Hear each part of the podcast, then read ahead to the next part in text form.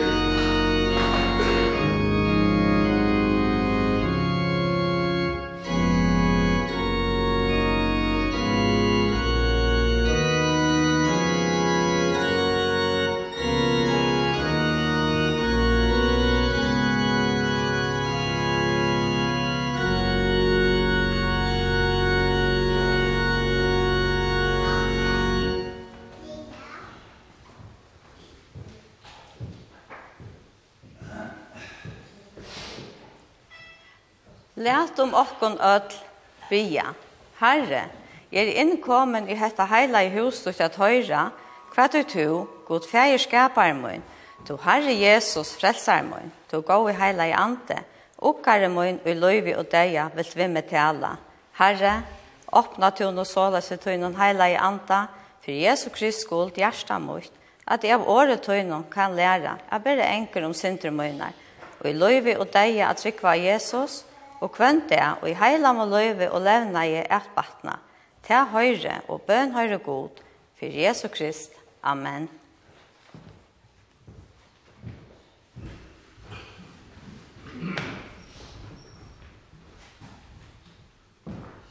I navnet Fægisens og Sånarens og Høyleie Antans. Amen. Nei, vi er vidtikken og frigjør fra gode fægivaren og herren Jesus Kristus. Lætt jo kun jotta sindur okkara fyrir god hinnon alvalda.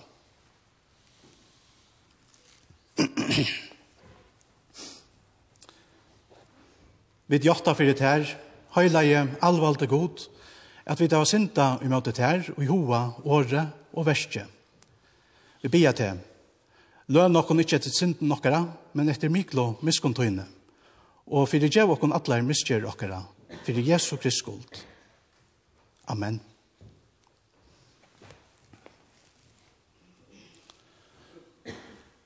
Så sats som tid av hjärsta i tikkon om synder tikkara, og flytja til nage gods og Jesu Kristi, som tikkon var given og i høyla og daupe, så bøye tikkon etter åren hans herra, fyrigjeving for atler synder tikkara, i navnet Fægersens og Sonarens og høyla i Antans.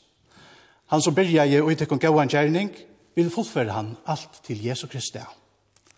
Frigjør, veri vi tikkon. Amen.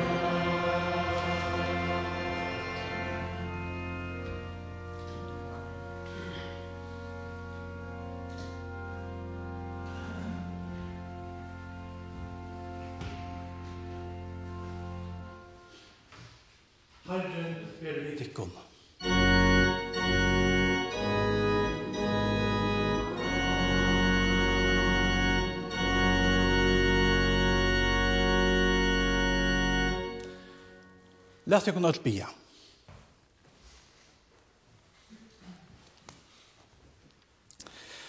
Herre var god, himmelske feir.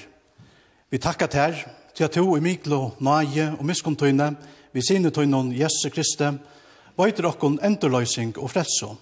Vi bia til, at du i heila i andatøynon vil løysa fyrir okkon i hamsens myskre, og veitur okkon tannfri som heimren ikkje kan djeva. Gjev okon a genga i hesson jause tøynum, så vi tæna tær i frie og rettvise, og vevnrøyk gledast om komo og einborna sonartøyns i heimen. Han som vi tær livor og rævor i øynleika høyleia andans, øyn sannur god om altor og æver, atler.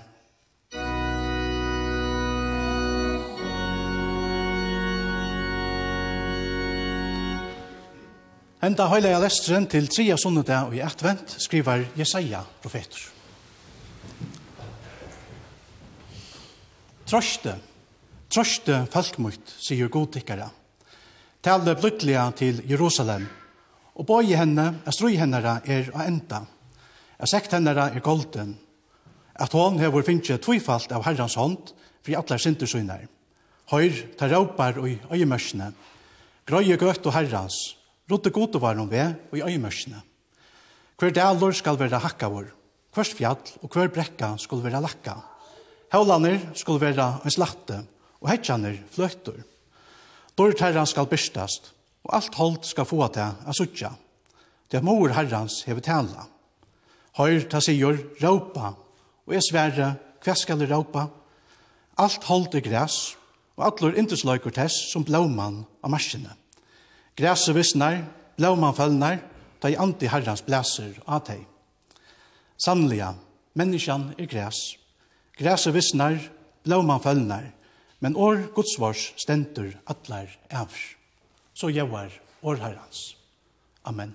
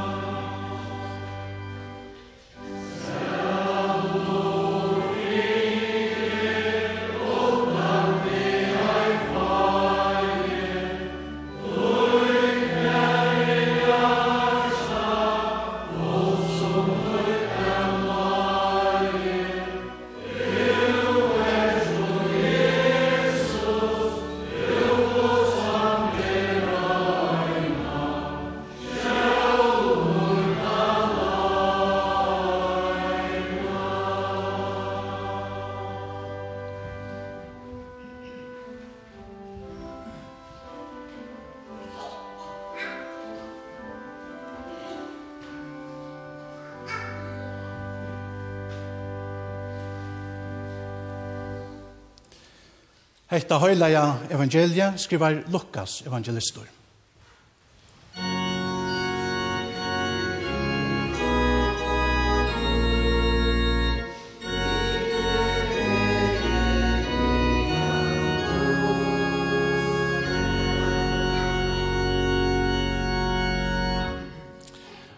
Og Sakarias, feir Johannesar, var fylltur av høylaun anda, og han profeterer om alt det lova vår veri Herren, god og Israels. Det er vitja hever han falksut, og lost hever han ta ut. Og lost hever han okkon og et fredsen er hodden og huset Davids, tænare søns. Så la som han av fyrndar tøy hever tænla vi munne hina høylav og profetasøyna. Fredso fra futjenton varon og fra håndton allra tørra som okkon hekta. Til tess at inna miskon møte fedron varon og minnast hin høylaja sottmala søyn, øyent han, som han svær Abraham färgvaron att han ville vita okkon. Jeg vet bjarga ur hånden fortjenta vara öttalers mått och tjäna honom och i høylaskapet och rettvise, för i asjon hans allar dier varer. Og to vi, luttla badne, skalt vera nevntur profetor hins haksta, det to skal genge undan for i asjon herrans, a byggva ut veier hans, a djeva fæltje hans kunnløyka om fredso og i fyrirgjeving sindatøyra, fyrir Guds svars mildt miskunna sækjer. Som Saula ris av høven himne hever vi okkom vi. Jeg lysa fyrir taimon som sita i myskre og skugga deians. Jeg bøyna fautovaron inn av friarløy. Men badne vaks og vær størst i herran og i andanon. Og han vær og i øyemørskonon til tan dagen tar han støy fram fyrir Israel. Høylei fægir, vi takkar til her fyrir i år. År tøyte samløytjen. Lata lysa kom veien til sannløyka og sæl. Amen.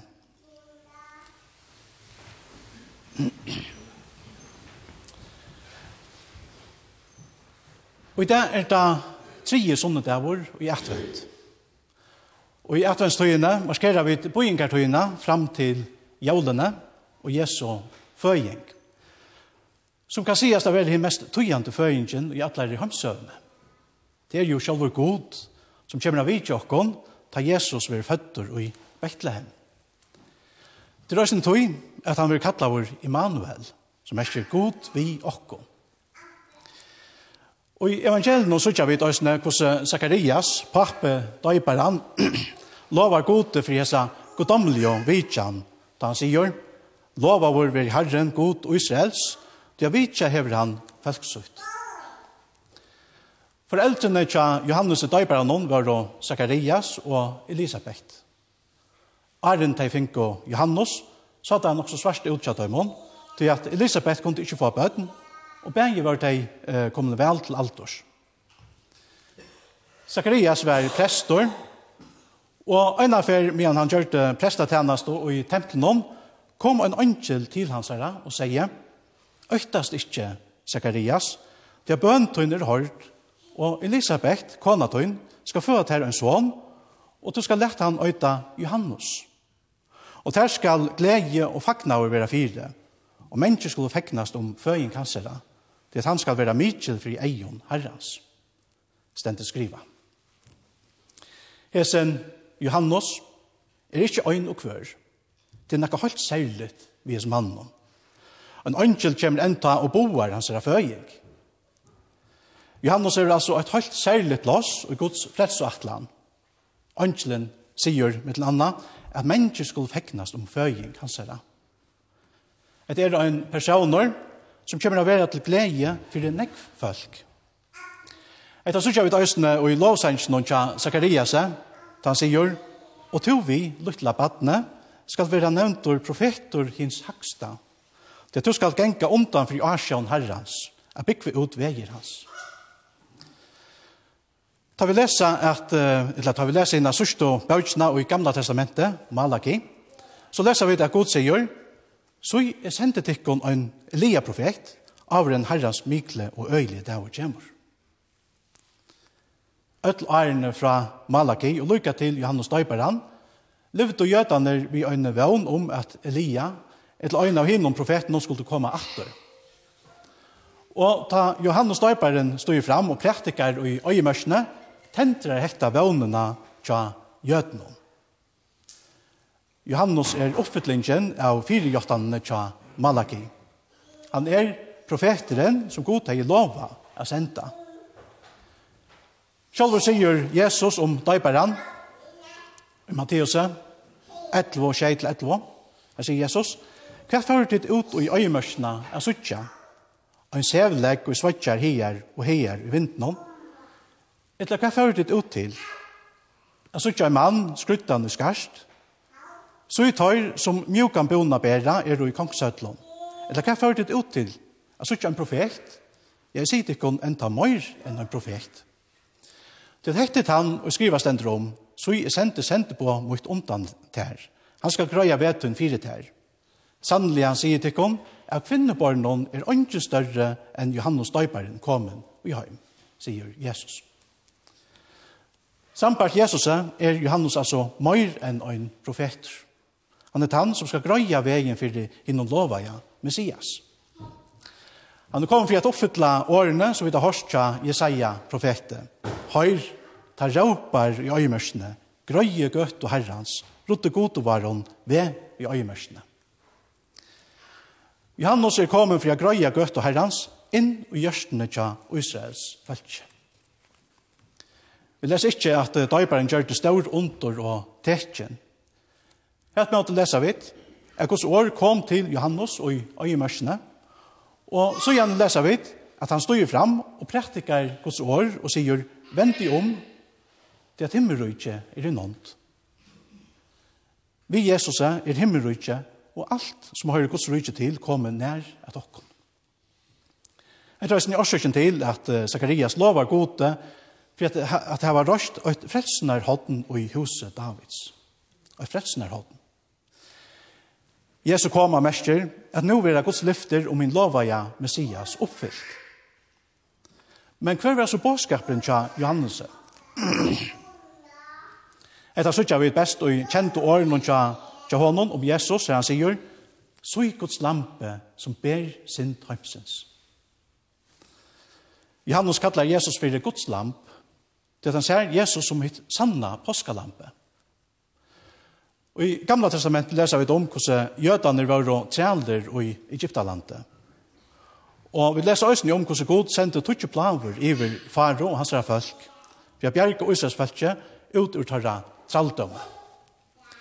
Vi var kjent til sørste plavene, sier Gud, og i natt vil jeg fære om Egyptalandet og drepa alle fromborer i landet, bæg av mannen og djøren, og fettla døm iver alla godar Egyptalands. Jeg er i Herren. For jeg jødene ikke skulle være rakter av hese plavene, var godar slakta et lamp og smyrja lamses blå av dora stavnar og dora tseie av tar husen. Og så leser vi at god sier, Blåve skal være til kontekjen av tar husen som titter ui. Og ta er så ikke blåve skal det færre omtikken. Plavan kom og rakte kvart hus som ikkje hei lamsens blå som tekjen. Men ongen døye ut av min husen her blåe sost. Lukas og lamsens blå var fleste tekne tja jøtnon og i Egyptalandet, så løs er Jesus øysene gos lam, og hans herre blå er okkara fleste tekne. Da god ser Jesu blå, fer han om okkon vi sinnen døme. Og i evangelien har jeg torst lovsangen til Zacharias. Lova vår veri Herren, God og Israels, til vi ikke hever han folksutt, og løst hever han det ut, og løst hever han okkon et frelsnar hodden i huset Davids. Sjálv var Zakaria, som sagt, prestor i noen høyleia templen og i Jerusalem. Og han visste til Østen vel hva frelsenar hodden var for nekka. Vi tok seg kanskje om vekkra hodden i første omfærre, da vi er i åren her. Men fletsen er hotten, sier bare til de fyra hotnene av brenni og for alt er noen, som er brukt i samband med tempeltjenestene. Etter var det fyra støyner som stunko opp ur sjolvån alt er noen. Zacharias hei au i var seg mennesker renna fram at det brenner offer alt er noen, og tror var fast om åkta hvis ned eh, alt noen. Her høttet hei, så var du sek og i øynene eller øron brottsverste frier sjøl. Det er nekka det samme som ta bøtten spela og råpa helle. Så har man frier sjøl. Så man, kan man halda pauser. Fredsen er hånden er øyne ettervendende tja salmaskalten. I salme 18 troi sier David konkur til dømes, Herre, klekter min, borg min, høle min, god min, vernt min, Her er fei løyvd, kjølter mun, virkje mutt, hodden mutt. Her er fei fredso. I salmi 132 leser vi om hos firjottan til Davids hus. Her lærte jeg veksa fyrir David, hodden. Her bygg vi er mun og salvaja lampo til. Og i salmi 118 leser vi Herren er god, og han gjør det til just for jokken. Slager ring vi grøynon og danse at altarsens hodnon. Og i Nutja testamentet vil hese salmer brukte som messiansker lovsanger om Jesus. Til dømes da Zakarias kallar badne som kjøtt skal være båret i heim for at frelsenar hodden og i huset Davids. Offerblåa, som presten hei smurst av altarhoddene, var det som gjør de hoddene til frelsonarhodden. Og vi, Jesu blåa, har gått nu røst sindarom og et hotten. Her ånden og ikke nekrant kan fordøme oss. Jesu offer og blå, av krossen hon, er nå okkara fredssonar hodden, og ta svitast ikkje. Om vi truva om krossen, om vi flytja til krossen vi okkara sint, så kommer vi lyta av at vi tær øya eit verrande frelsenar hodden, eit sjål, og en sted, her ungen dømer fettler om han i vrokken. Det her var det nemlig, at Jesus tok okkara døm av seg sjálvan. Så er det nu ønsken fordøming for de som er i Kristi Jesus.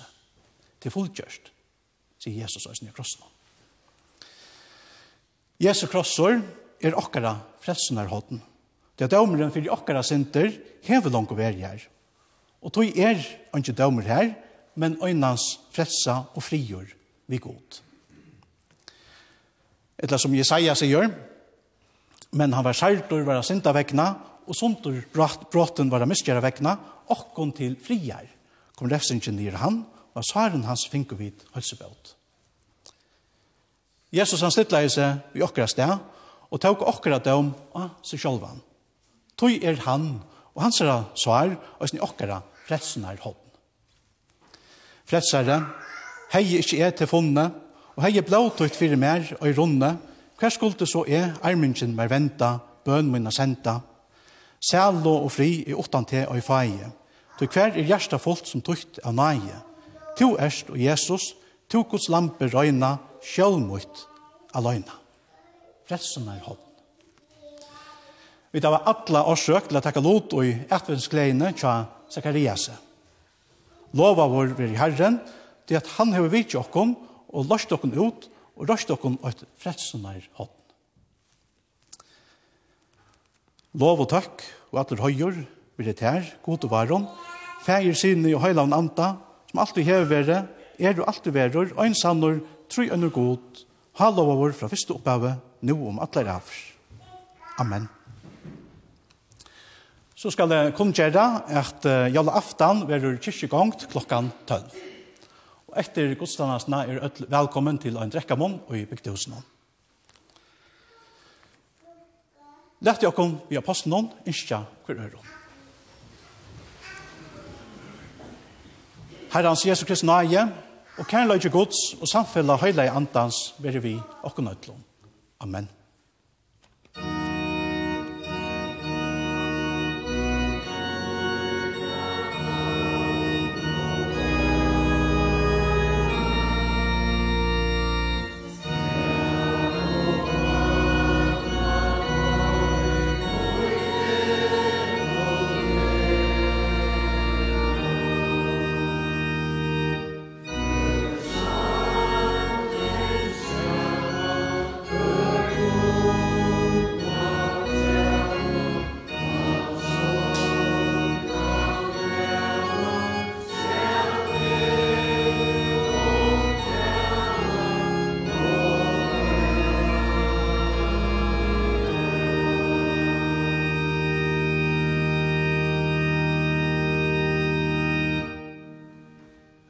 Læti okkon jotta okkar kristna trygg.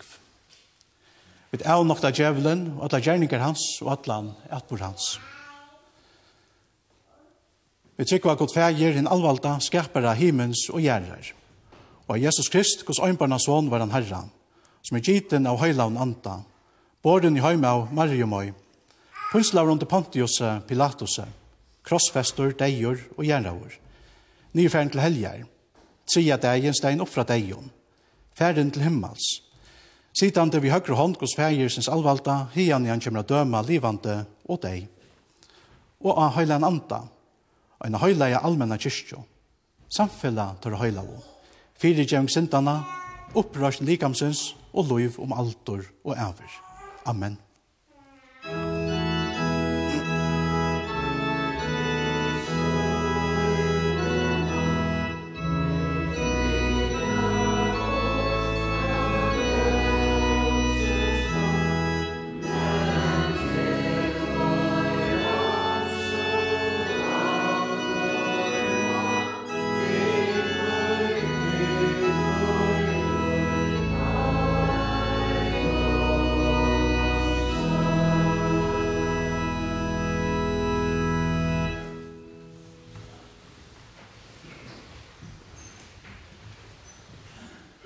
öll bia.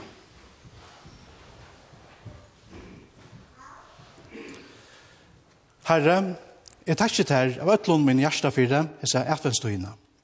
Jeg takkje til fyrir tøyna komo. Jeg takkje til fyrir at du øyna fyrir kom til okkara heim og blei øyn av okkom.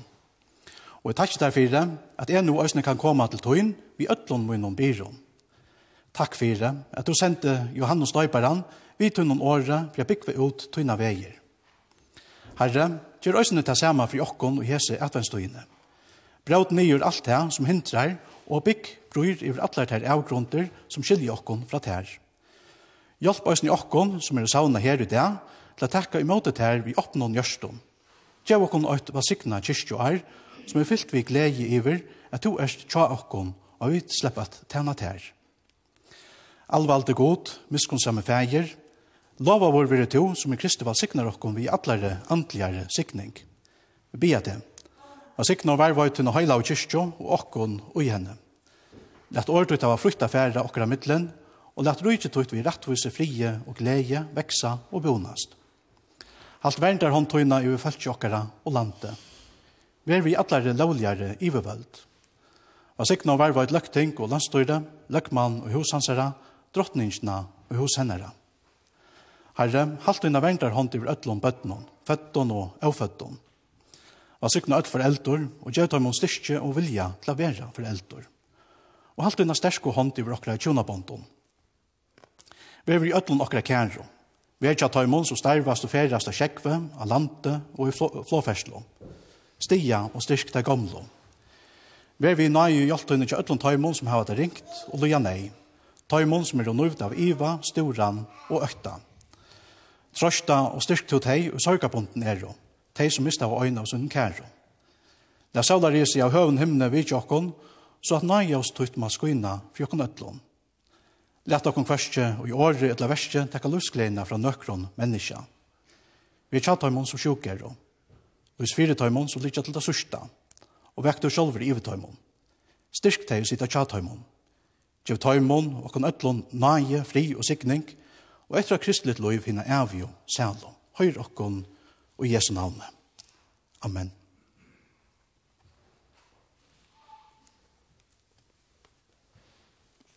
Amen.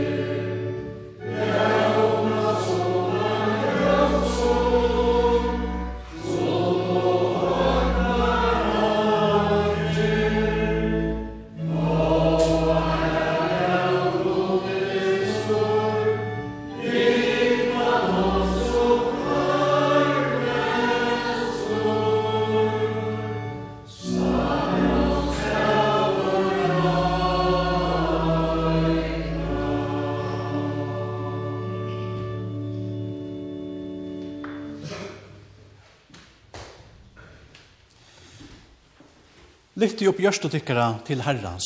Lætti navn i hans prysa. Høylavur, høylavur, høylavur er Herren god til alvalde. Han som er, som er og som kjemur. Og si anna i haksta himne. Va signaur veri han som kjemur i navni Herrans. Og si anna i haksta himne. i Herre og frelsere. Tu som sjálfur erst okkara mittlen vi öllun rujtidømme kærlakatons. Gjev og kunne tekka vi lika med tøynun og blaue til avmenningar tøynar og fyrirgjevingar syndana. Rans okkom fyrir synd og styrkta gaua som er okkom i bærme, at du må spikva vi trunne og gjørste nokkara. Gjev okkom fast i vannene om mitt envia løyve. Gjev okkom a veksa i kærleikanon, for at vit vi ötlun hinnom tryggvande tøynun vi har vært åkt ut her, og så toerst åkt vi færinum.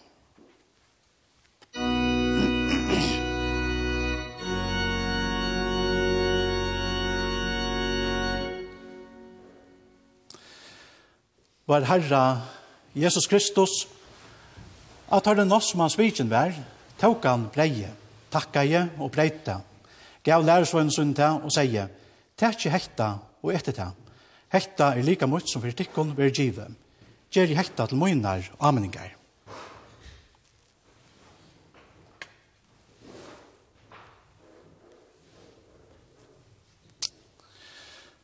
Som Allah stod han nøysene kærlikken at han har kveldmåltøyna, takka jeg, gav tøymon og sier, drekkje atler ur honom. Hesen kærlikker er nødje sottmalen og blaue møynon, så fyrir tikkun vil uttelt til fire gjevingar sindana. Gjerri hekta så ofta som tida drekka til møynar og ameningar. Fei var, til som ersta himnon, høylagt veri navn tøyt, kommer rujtje tøyt. Veri vilje tøyn som i himne så gjør. Gjev okkur i det okra daglige brei, Og fyrir djeva okkur synder okkara, så så vidt øysene fyrir djeva tøymon vi møte okkur sinda. Og lai okkur ikkje frøstingar, men frets okkur fra til ytla. Det tøytte rujtje, valdi jo høyren om atler avr. Amen.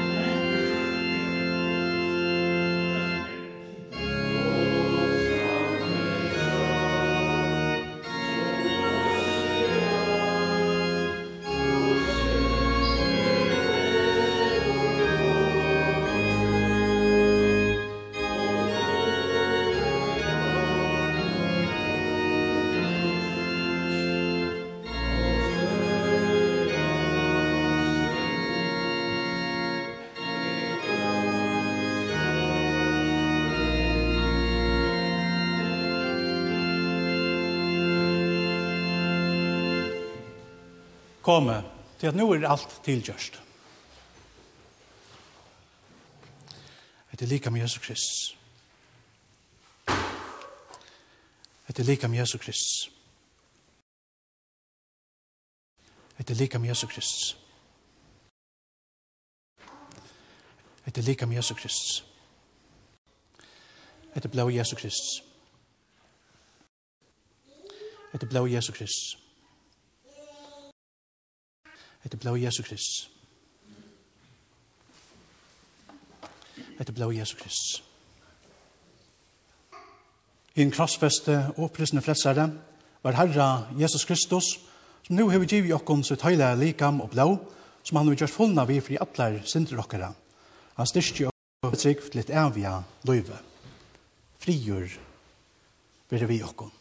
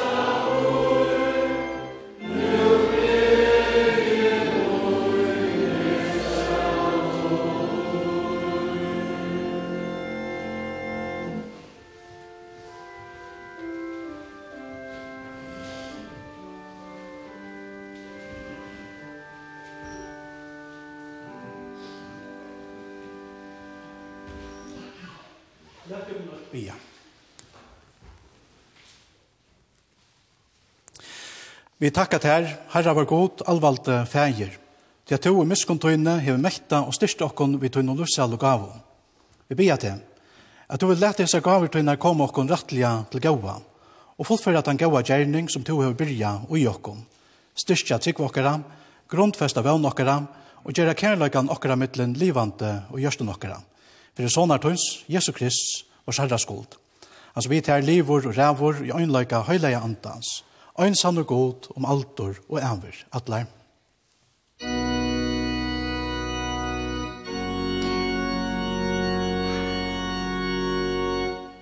Takk vi sikning herrens. Herren var sikne til og varvete til. Herren lette i andres utløse ivet til og være til nøyvor. Herren lytte jo på ærsjåsyn ivet til og gjevet til fri.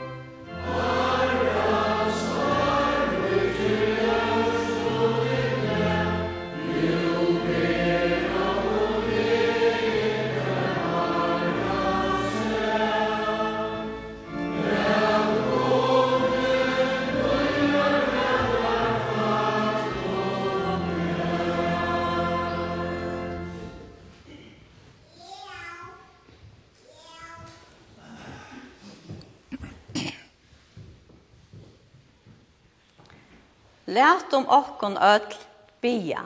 Herre, jeg takkje her av öll og hjärsta møynon, for at du har lært meg hva du vil at jeg skal trykva og gjera. Hjelp meg no god møyn, vi heila i anta tøynon, for Jesu Krist skuld, at jeg må være et årtøy og i regn og hjärsta. Jeg har tøy styrstjas i trunne, og i heila må levna i batna, og med vi til, og i løyve og deia ukka. Feir var, tusen mersi himmelen heilat være navn tøyt, kom i røyke tøyt, være vilje tøyn, som i himne, så jeg gjør. Gjev okken i det akkurat daglige brei, og fyrir gjev okken synder okkara, så som vi eisen fyrir gjev at heimann om at jokken synda. Og lei okken ikke frøstingar, men frels okken fra tøy ytla, til at tøyte røyke, valgte jo heiren, om atlar æver. Amen.